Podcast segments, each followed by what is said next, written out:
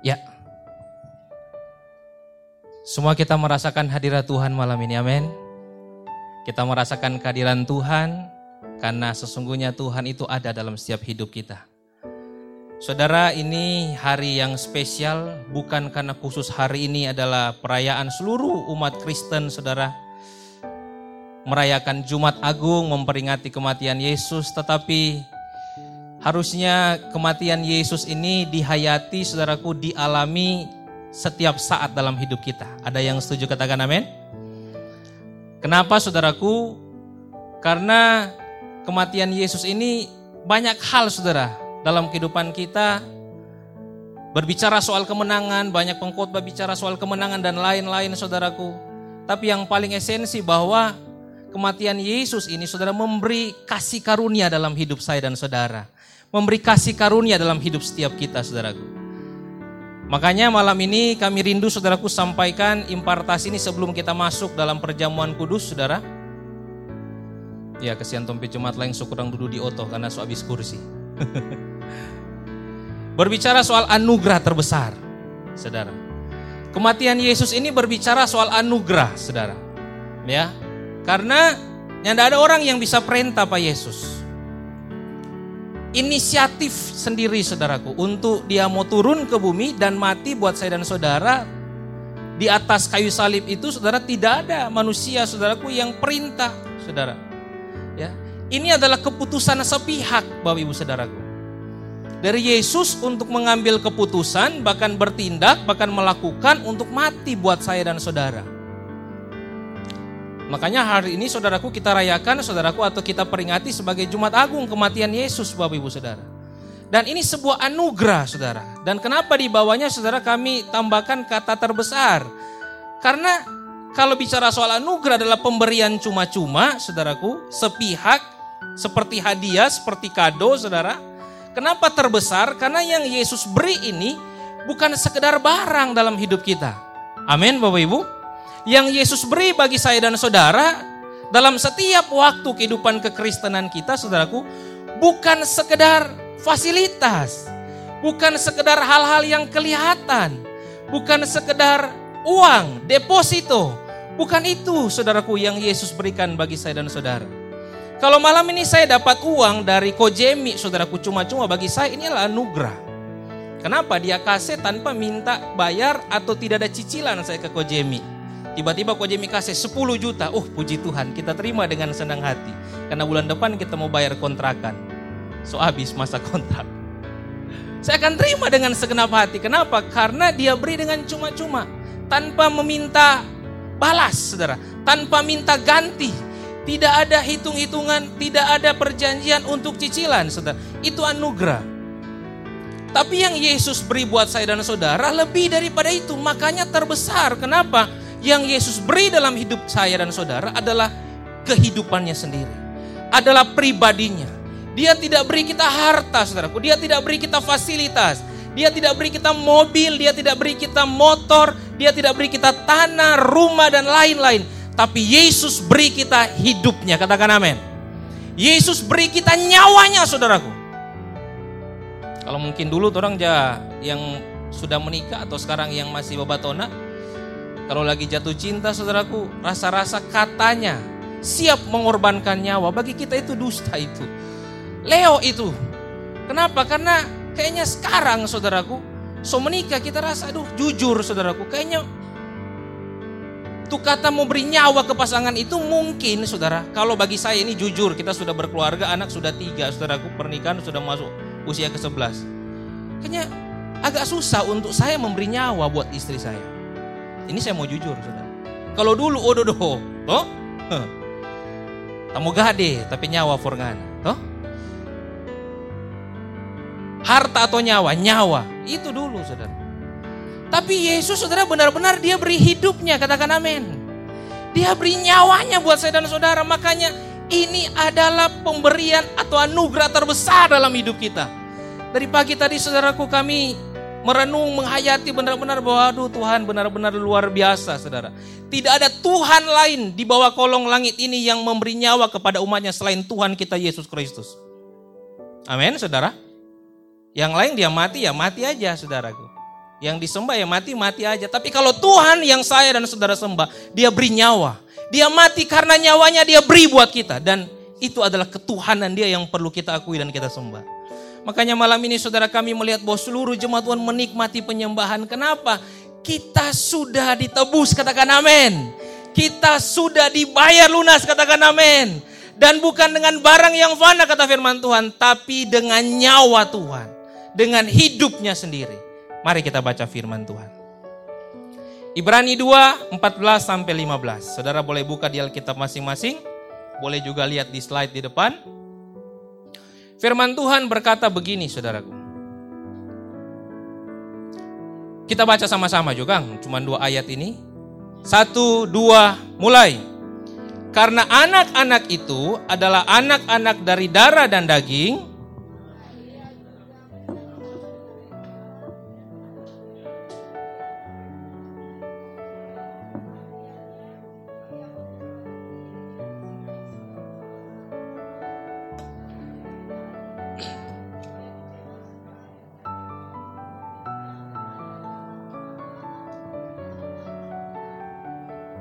Ada bilang amin, saudara? Ini ayat ini sangat jelas, saudara. Yesus bayar kita lewat kematiannya, kata firman Tuhan ini, saudaraku. Untuk beri kita apa? Katanya kebebasan. Kenapa? Karena kita katanya seumur hidup, saudaraku, diperhamba, saudara. Dan jalan satu-satunya untuk memberi kita kebebasan, jalan satu-satunya untuk menebus setiap orang percaya kepadanya, menebus saya dan saudara dari perhambaan dosa saudara, tidak ada cara lain Selain apa kata firman Tuhan? Darah dan daging. Makanya darahnya tercucur saudaraku di Golgota, saudaraku dagingnya hancur-hancur saudaraku di Golgota. Bahkan dari sejak saudaraku dia diadili, dia dicambuk dan lain-lain Bapak Ibu Saudara. Kenapa? Karena tidak ada cara lain. Kata firman Tuhan bilang begini, karena anak-anak itu maksudnya saya dan Bapak Ibu Saudara. Bayangkan pengorbanan seorang bapak buat anaknya, saudara. Ya, kalau mau dibawa kepada tema kita boleh saudaraku malam ini. Tapi saya mau murni menyampaikan khotbah khusus kematian Yesus. Karena firman Tuhan ini jelas bicara soal anak. Berarti ini berbicara pengorbanan Bapak buat saya dan saudara. Ini pengorbanan dan hati seorang Bapak kata Pak Devis hari Minggu kemarin saudara. Amin. Bagaimana dia beri hidupnya dan kata firman Tuhan karena kita ini manusia dari darah dan daging Sebabnya Yesus juga harus tebus kita dengan darah dan daging. Tidak ada cara lain. Yesus tidak suruh malaikat, saudaraku. Nyanda. Tapi Yesus beri dirinya sendiri. Kenapa? Karena itu jalan satu-satunya. Dan harus melewati apa darah dan daging itu? Melewati kematian. Dan saudara perhatikan firman Tuhan bilang begini. Lewat kematiannya ia memusnahkan dia Yesus Kristus yang saya dan Bapak Ibu Saudara sembah memusnahkan dia. Siapa dia itu? Ya iblis, saudaraku. Yang berkuasa atas maut dan supaya dengan jalan demikian ia, perhatikan. Kristus Tuhan membebaskan kita yang seumur hidupnya berada dalam perhambaan. Jadi kalau Yesus tidak turun, kalau Yesus tidak mati, kalau Yesus tidak ambil keputusan untuk tebus saya dan saudara dengan darah dan daging saudaraku, kita tetap sampai kapan pun akan ada dalam perhambaan dosa. Kita tetap akan keluar dari Eden, kita tetap ada di luar Eden, maksudnya di luar berkat-berkat Tuhan itu. Tapi kenapa hari ini sekalipun situasi kondisi yang lagi melanda dunia, Indonesia, Sulawesi Utara, Bitung saudara, ya kan? Dengan segala macam saudara teror dan macam-macam penyakit kiri kanan. Tapi hari ini kenapa orang masih boleh sehat? Bukan cuma sehat, gode leh. Ya toh saudara lihat kiri kanan. Tuh kemeja-kemeja tali sepolote-polote lain. Dan kita leh begitu. Tadi tidak keker-keker di situ udah duduk. Tadi bilang, iya susah salah pakai dasi kita. Tidak pakai dasi tipis. Harusnya lebar. Supaya boleh tahu tuh ini pelote-pelote dah. Karena sebanyak pica. Toh, coba saudara pikir.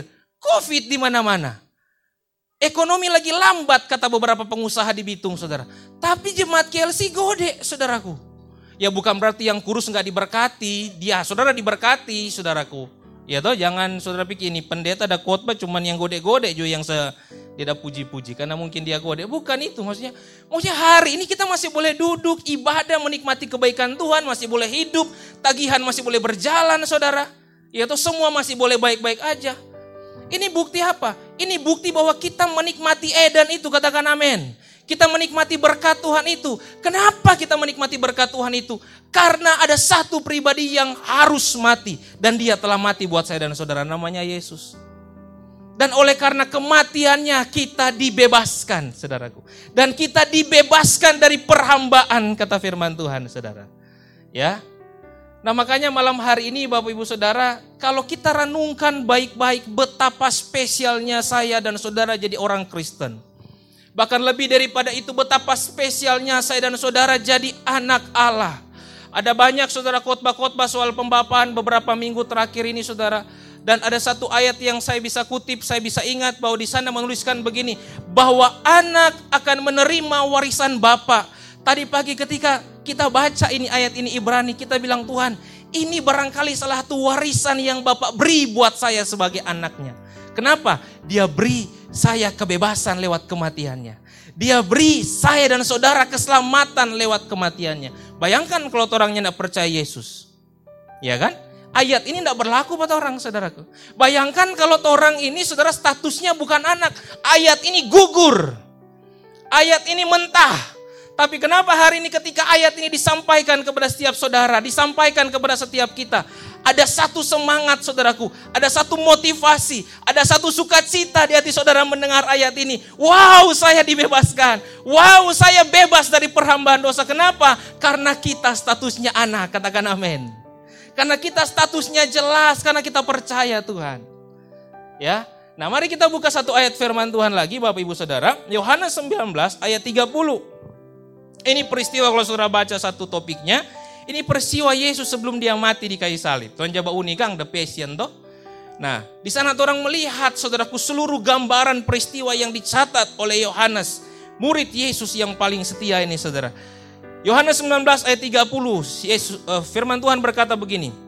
Sesudah Yesus meminum anggur asam itu, saudara, berkatalah ia, apa baca kuat-kuat dua tiga?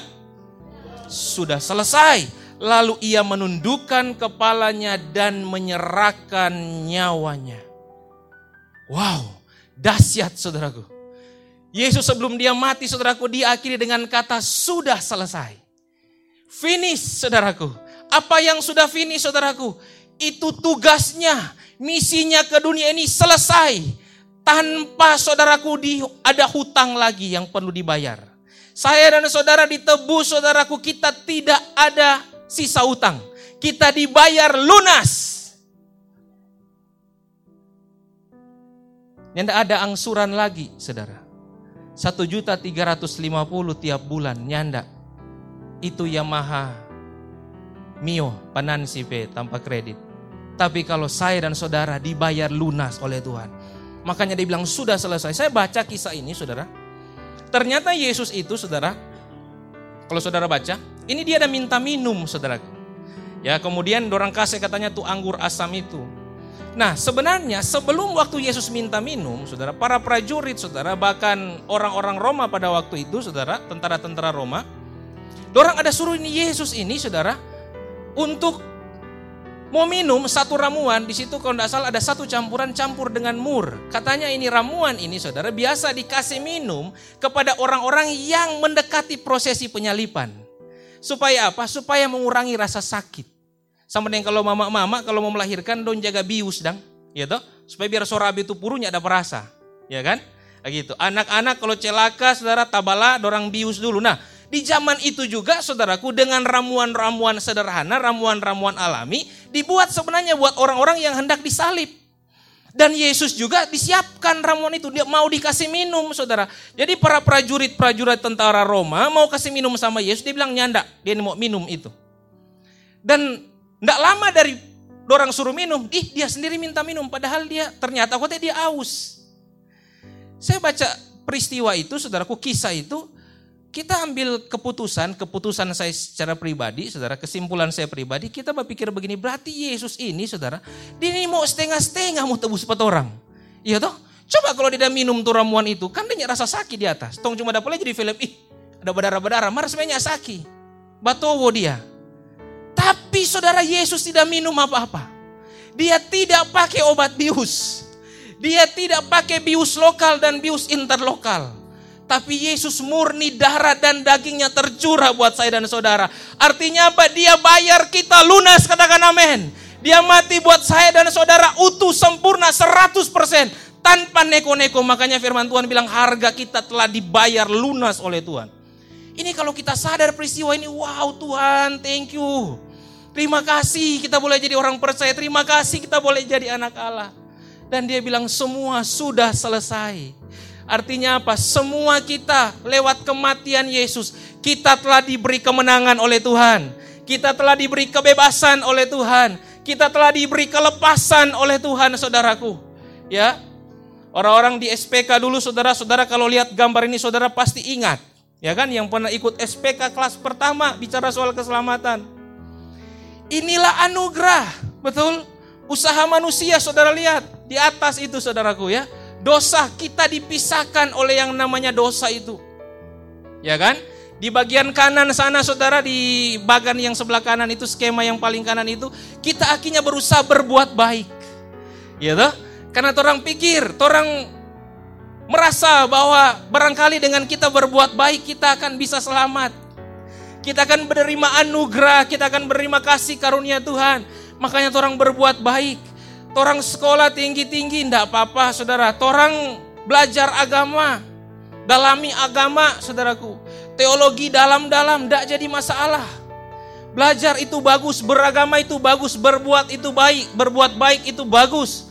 Tapi malam ini kami mau ingatkan kembali kepada setiap jemaat Tuhan. Semua yang kita lakukan, usaha manusia tidak akan pernah membuat kita masuk ke dalam kerajaan Allah. Sampai Yesus mati buat saya dan saudara. Tidak akan pernah bisa. Terus Pak berarti sekarang kita sudah aja mau berbuat baik. Bukan itu. Kalau orang sudah ditebus, perbuatan baik itu otomatis dia akan lakukan. Setuju amin? Kalau orang sudah ditebus, kalau orang merasa dia berharga, kalau orang tahu dia statusnya anak Allah, dia kejar ilmu pengetahuan itu otomatis.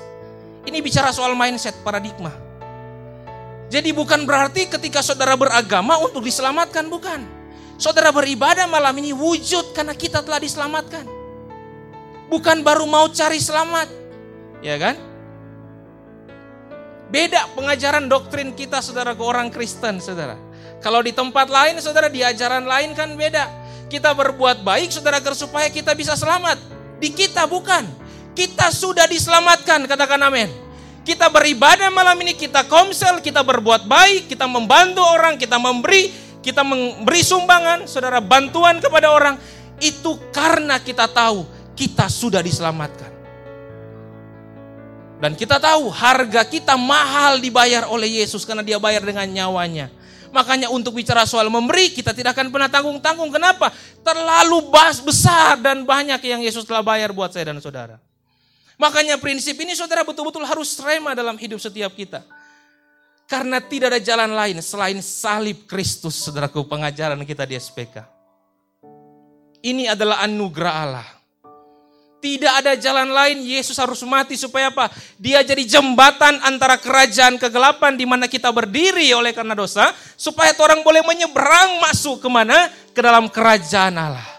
Orang diselamatkan hanya salib Kristus. Dan sekali lagi saya mau kutip ayat yang tadi itu saudara di Yohanes. Dia bilang apa? Semua sudah selesai.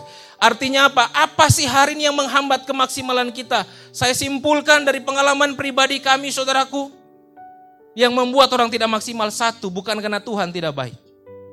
Bukan karena Tuhan tidak ada. Bukan karena Tuhan kurang kuasanya. Yang membuat hari-hari ini orang Kristen hidupnya tidak maksimal karena tertuduh. Karena rasa terintimidasi. Baru baking dosa kita kalah maring. Tidak layak kita memelayani Tuhan. Ya kan?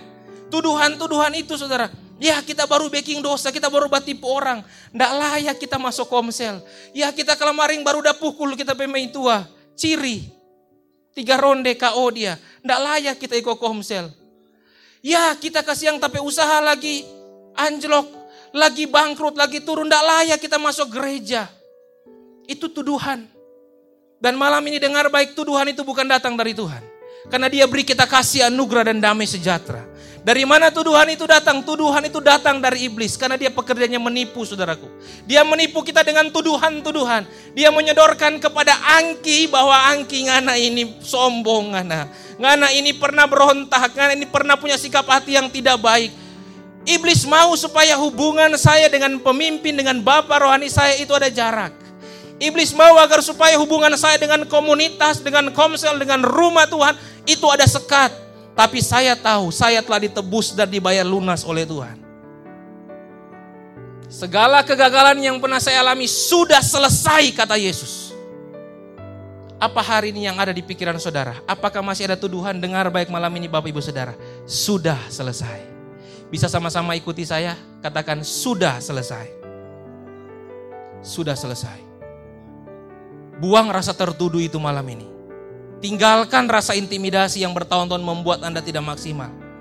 Hari ini temukan panggilan saudara di kerajaan Allah dan berfungsi berdampak di sana. Ini sudah masanya. Tuhan semua datang. Jangan kurang lama-lama tunggu do, tunggu kuat belum tapi waktu, Bro. Ih, kok kapan dang? Sama dengan Yesus le. Yesus kan pernah bilang begitu tuh. Belum waktu ku buat mujizat. Sudah sekarang waktunya. Keluar dari ketertuduhan saudara, keluar dari rasa intimidasi saudara, keluar dari ketakutan kita, keluar dari kekhawatiran kita saudara. Kenapa? Yesus bilang sudah selesai. Termasuk pergumulan-pergumulan yang saudara alami hari ini. Termasuk apa saja yang lagi berkecamuk di pikiran Bapak Ibu Saudara hari ini. Sampai malam ini, Paso datang di sini. Paso menyembah Tuhan masih ada tak pikir-pikir macam-macam. Dengar Tuhan bilang, sudah selesai. Dia sudah mati buat saya dan saudara. Dan semua itu sudah digantung, dipakukan, disalib. Sudah selesai. Tidak ada lagi yang menghambat saudaraku perjumpaan kita dengan Tuhan.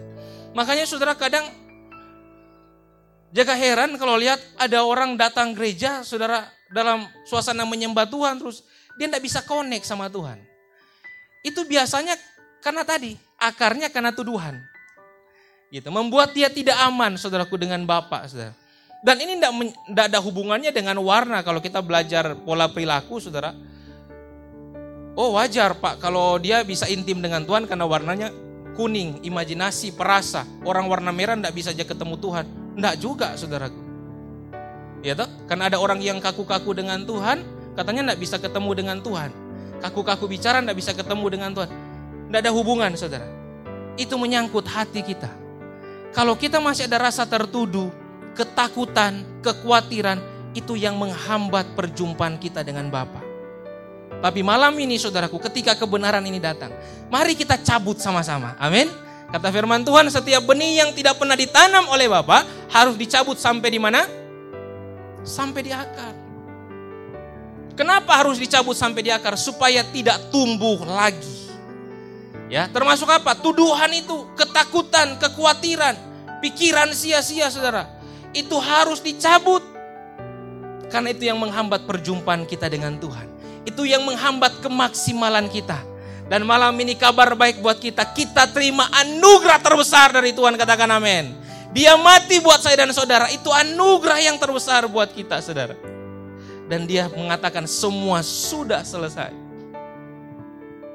Pak, Kok kita masih sakit dan bagaimana? Itu respon tubuh saudara. Kan Tuhan somati harusnya kita baik. Ya tompi respon tubuh yang masih sakit.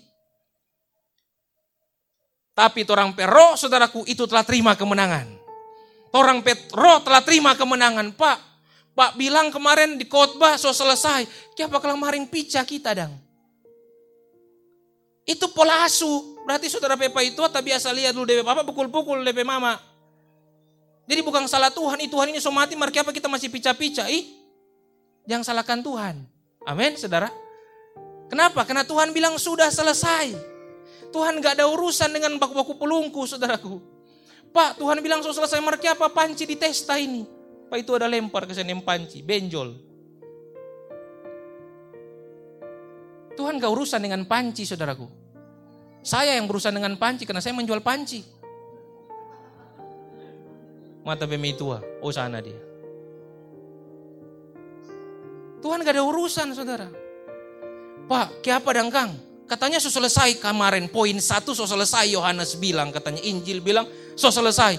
Mari apa kang kita masih setengah mati bayar utang. Malas. Paham maksudnya saudara? Jadi jangan jaga sangkut pautkan saudaraku. Ih kita di KLC katanya dapat encourage, dapat semangat, dapat motivasi, dapat firman, semua sudah selesai. Masa saudara yang berhutang, saudara bayar patuhan, saya dapat orang siksa patuhan dang. Ya kan? Sudah selesai itu tidak termasuk hutang, katakan amin. Hutang tetap bayar. Awal bulan. Kita besok ketemu bayar motor. Ada satu motor semua lunas besok Marso bukan tak punya, seorang punya. Ah, sebegitu nih hidup. Tuhan bilang sudah selesai. Apa saudaraku? Itu tadi. Dia selesaikan bagi kita rasa tertuduh. Amin. Jadi hari ini kita semua dilayakan. Makanya waktu peristiwa kematian Yesus, saudara ingat ceritanya katanya firman Tuhan bilang, tabir bait Allah itu terbelah dua. Betul? Maksudnya apa? Tidak ada sekat lagi antara saya dan saudara. Ya kan? Kalau zaman dulu saudaraku, itu harus ada hierarki saudaraku. Harus ada batasan-batasan. Mau jumpa Tuhan harus lewat ini, lewat ini. Sekarang tidak ada lagi. Yang membatasi kita tuduhan. Sebabnya malam ini buang tuduhan itu. Saudara mau jumpa Tuhan, saudara pejamkan mata, saudara alami Tuhan, rasakan Tuhan, panggil dia Bapak, saudara alami Tuhan. Ya toh? Saudara ngalamin sakit, saudara percaya katakan firman Tuhan oleh bilur-bilurnya saya sembuh, saudara ngalamin kesembuhan. Amin. Kenapa? Karena kata Tuhan sudah selesai. Itu maksudnya. Kita perlu bertindak, saudaraku. Karena Tuhan telah menyelesaikan setiap tuduhan, ketakutan, kekhawatiran dalam pikiran kita. Ya. Makanya kami rindu saudaraku semua jemaat Kingdom Living Community saudaraku bebas dari hal yang satu ini tuduhan. Karena kalau orang masih hidup dalam tuduhan itu yang membuat juga hubungan kita dengan pemimpin, saudaraku, di dalam rumah tangga, di dalam keluarga, itu ada kerenggangan, ada jarak. Karena ada rasa bersalah, ada ketakutan di dalam, ada kekhawatiran. Ya toh? Takut lekok kita, kagel lekong begini. Nah itu ketakutan dan kekhawatiran. Makanya saudara Yesus oleh karena kasihnya dia menyelesaikan ketakutan. Sebabnya ada firman Tuhan bilang, di mana ada kasih di sana ketakutan lenyap. Amin. Karena Tuhan berurusan dengan ketakutan kita. Tuhan tidak berurusan dengan tagihan saudara. Tapi Tuhan berurusan dengan apa? Dengan ketakutan. Dengan tuduhan. Itu yang diselesaikan di kayu salib. Di Yohanes tadi maksudnya. Tuhan tidak menyelesaikan masalah-masalah pribadi saudara. Harus diselesaikan.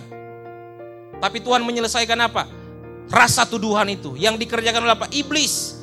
Kalau masalah saudara, jangan-jangan masalahnya orang-orang yang bikin sendiri. Ya tak? Orang suruh Tuhan yang selesaikan. Nah, makanya apa? Hari ini mari kita punya cara pandang yang benar. Ya, sekalipun kita masih punya pergumulan, kita masih berjalan di lembah kekelaman kata firman Tuhan. Tapi dengar, kita tidak perlu takut bahaya. Amin. Kita tidak perlu takut bahaya, kita tidak perlu takut jatuh, karena tangan Tuhan yang kuat memegang kita, katakan amin. Itu maksudnya kata sudah selesai nih. Jangan saudara ketika konflik rumah tangga besok, suami istri kalau saudara bilang pas saudara pepa itu ah, khotbah tadi malam, poin satu. Sudah selesai itu orang dua. Wih, luar biasa itu. Itu namanya saudara gagal paham. Bukan itu maksudnya. Toh?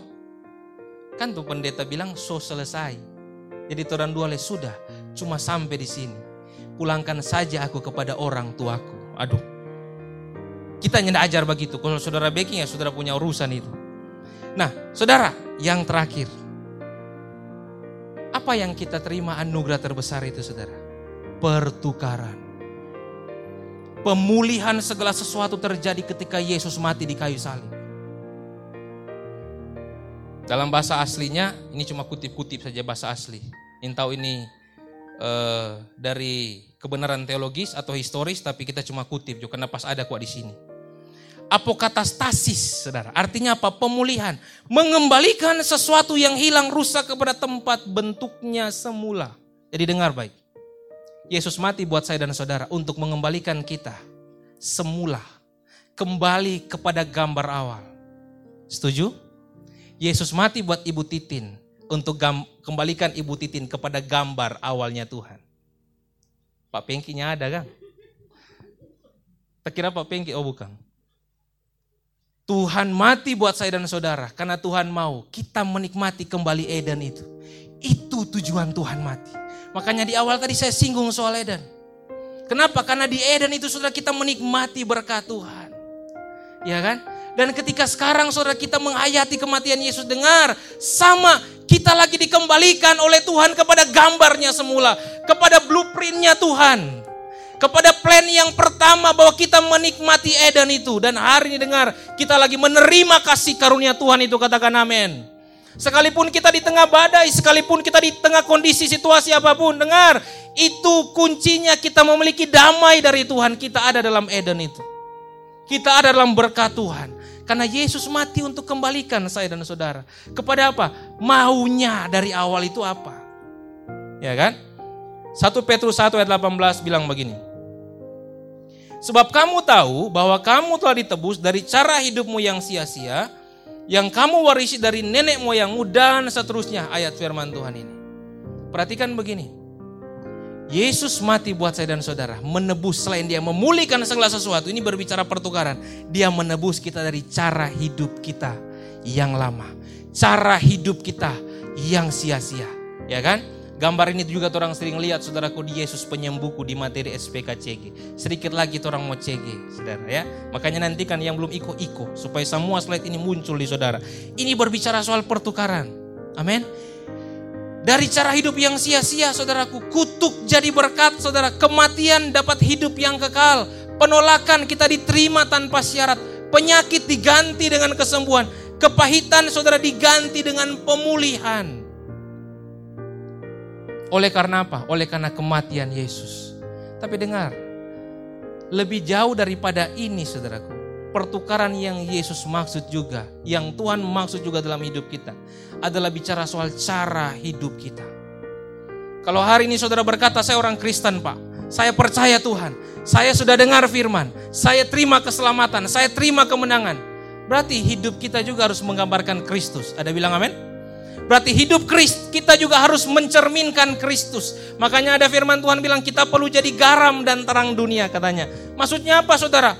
Lewat kematian Yesus karya penebusannya, pertukaran ini dari cara hidup yang sia-sia, kita masuk kepada cara hidup apa? Cara hidup yang berguna. Ya, kita rubah saudaraku pola hidup kita. Kalau orang tak biasa saudaraku dapat teguran kecil tersinggung besar, robah. Kalau orang tak biasa saudaraku hati kecil berubah. Kalau orang mudah tersinggung, mudah iri saudara, mudah kecewa, mudah dilukai. Dengar, Yesus sudah mati dan mengerjakan pertukaran buat kita. Artinya apa? Kita diberi hati yang baru. Kita diberi hati yang sembuh kalau orang hati sering sakit. Hati sering kecewa, dengar, orang diberi hati yang baru sama Tuhan. Bukan sekedar berkat, yang kelihatan doi apalah usah diberkati itu akibat itu. Itu dampak saudaraku. Tapi lebih penting daripada itu saudaraku, dia beri kita apa? Hati yang baru. Dia beri kita damai sejahtera kata firman Tuhan. Dia beri kita sukacita. Kenapa? Karena kalau kita punya sukacita, kita punya damai sejahtera, kita akan bisa mengerjakan banyak hal. Coba aja kalau saudara punya damai sejahtera dan sukacita orang mau baking apa saja pasti rasa lome. Tapi sekalipun orang mau baking barang besar, barang banyak, saudara, kalau punya sukacita, punya damai sejahtera, pasti selesai. Makanya apa? Tuhan beri kita hati yang baru. Makanya rubah dari cara hidup kita yang lama. Cara hidup yang mediokriti, yang rata-rata, yang standar, biasa-biasa. Cuma suka di permukaan, mari rubah. Di tempat kita saudara, di komunitas kita di Kingdom Living Community dari awal saudara kita punya slogan. Mati untuk satu kegerakan. Dari awal itu memulai saudara, kami masih muda, masih belum kawin semua, masih remaja, masih basekolah ditanam saudaraku. Moto ini saudara, ini terngiang-ngiang terus. Dan waktu itu memulai saudaraku. Bertindak, tidak tunggu kaya dulu, tidak tunggu diberkati dulu. Kenapa? Kami tahu jauh lebih besar dari kekayaan Tuhan yang sudah beri dalam hidup kami. Dan hari ini hal yang sama kami juga mau beritakan kepada setiap jemaat Tuhan. Tuhan beri kita tidak hanya sebatas harta, uang, usaha diberkati, pekerjaan diberkati. Tapi Tuhan beri kita hati yang baru. Tuhan beri kita pikiran yang benar, katakan amin. Ya kan?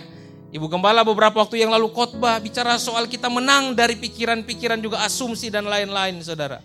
Ya toh? Termasuk Yesus mati memberi kita pertukaran.